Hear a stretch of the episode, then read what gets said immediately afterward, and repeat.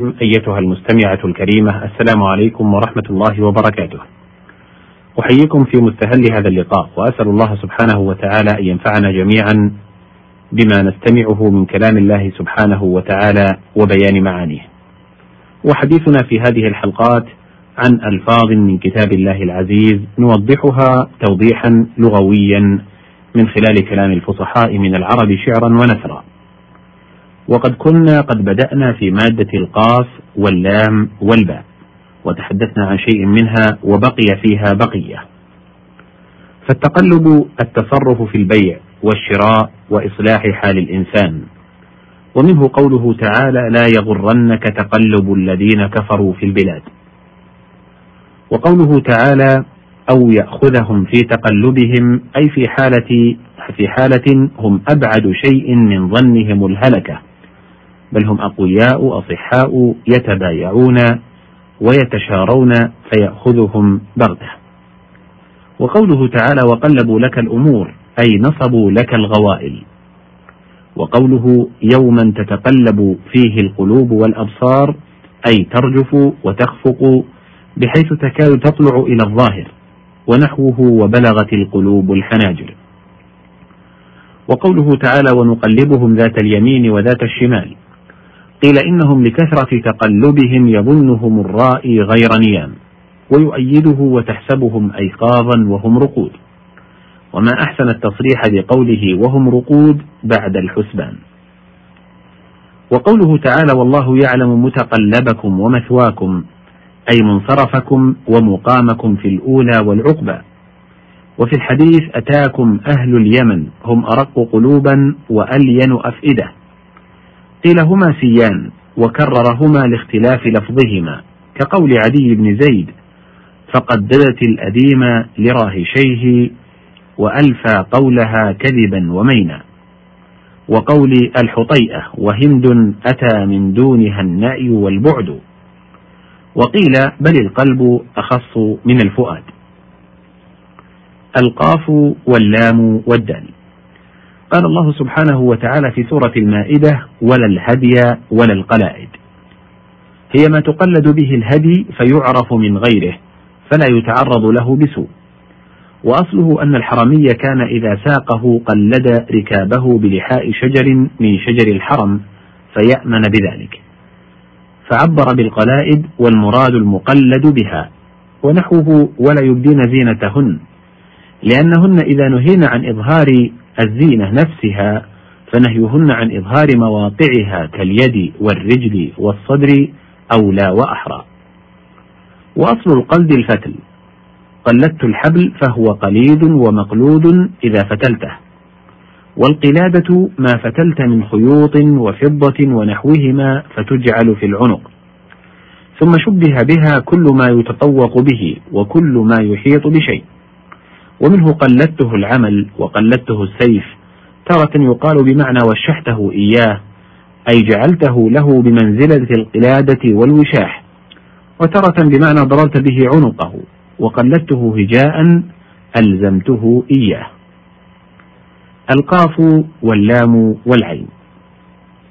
قال الله سبحانه وتعالى في سورة هود ويا سماء أقلعي. أي أمسكي ماءك.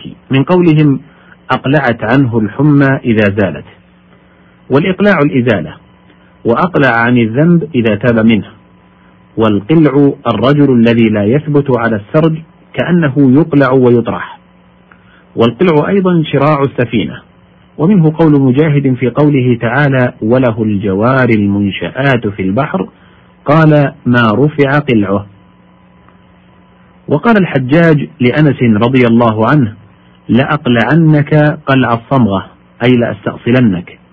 والصمغ إذا قلع لم يبق له عين ولا أثر. وفي المثل تركتهم على مثل مقلع الصمغة إذا لم يبق لهم شيء إلا ذهب. القاف واللام واللام. قال الله سبحانه وتعالى في سورة الأعراف حتى إذا أقلت سحابا ثقالا. أي حملت. يقال أقل الرجل الشيء يقله إقلالا إذا حمله. والمعنى أن الرياح رفعت السحاب بتسخير الله تعالى. وفي الحديث كقلال هجر. القلال جمع قلة وهي جرة تعمل بهذا المكان. وهجر قرية قريبة من المدينة وليست هجر البحرين. وقوله تعالى إن هؤلاء لشرذمة قليلون. قال الأزهري هذا كما يقال هؤلاء واحدون وهم حي واحد. قال ومعنى واحدين واحد. وأنشد للكميت فرد قواصي الأحياء منهم فقد أضحوا بحي واحدين. والقلة تقابل الكثرة ويستعملان في الأعداد كما أن الصغر والعظم للأجسام أو الأجرام. وقوله تعالى قم الليل إلا قليلا أي وقتا قليلا.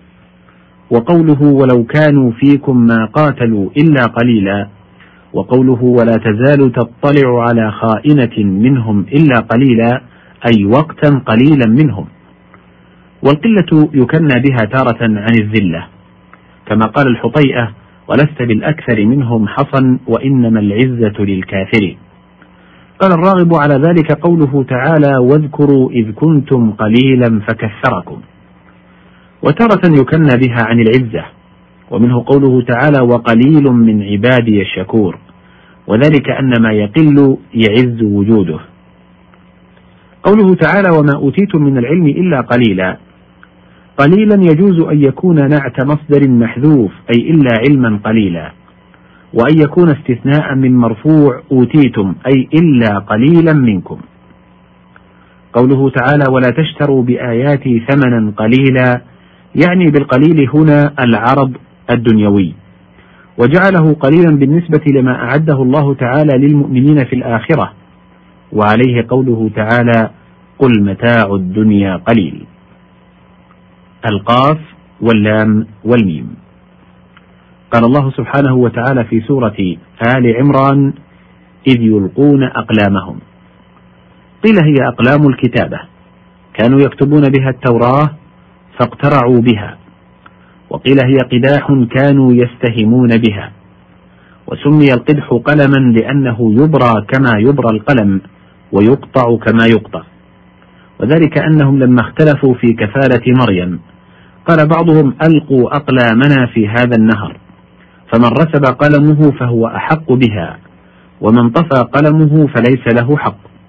فرسب قلم زكريا عليه السلام وذلك لأنه أمر خارق للعادة ومن طبع القلم أن يطفو.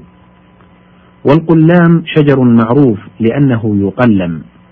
قال لبيد فتوسطا عرض السري وصدعا مسجورة متجاوزا قلامها. القاف واللام والياء. قال الله سبحانه وتعالى في سورة الضحى ما ودعك ربك وما قلى. أي ما أبغضك؟ والقلى شدة البغضة. يقال قلاه يقليه وقليه يقلاه. والأولى هي المشهورة. أنشد أبو ثروان وترمينني بالطرف أي أنت مذنب وتقلينني لكن إياك لا أقلي. وقوله تعالى قال إني لعملكم من القالين أي الكارهين الشديد البغض. ومن كلام أبي الدرداء وجدت الناس أخبر تقله أي إذا جزهم قليتهم لما تطلع عند التجربة منهم على خبث سرائرهم. وهذا في زمن أبي الدرداء فإنا لله وإنا إليه راجعون.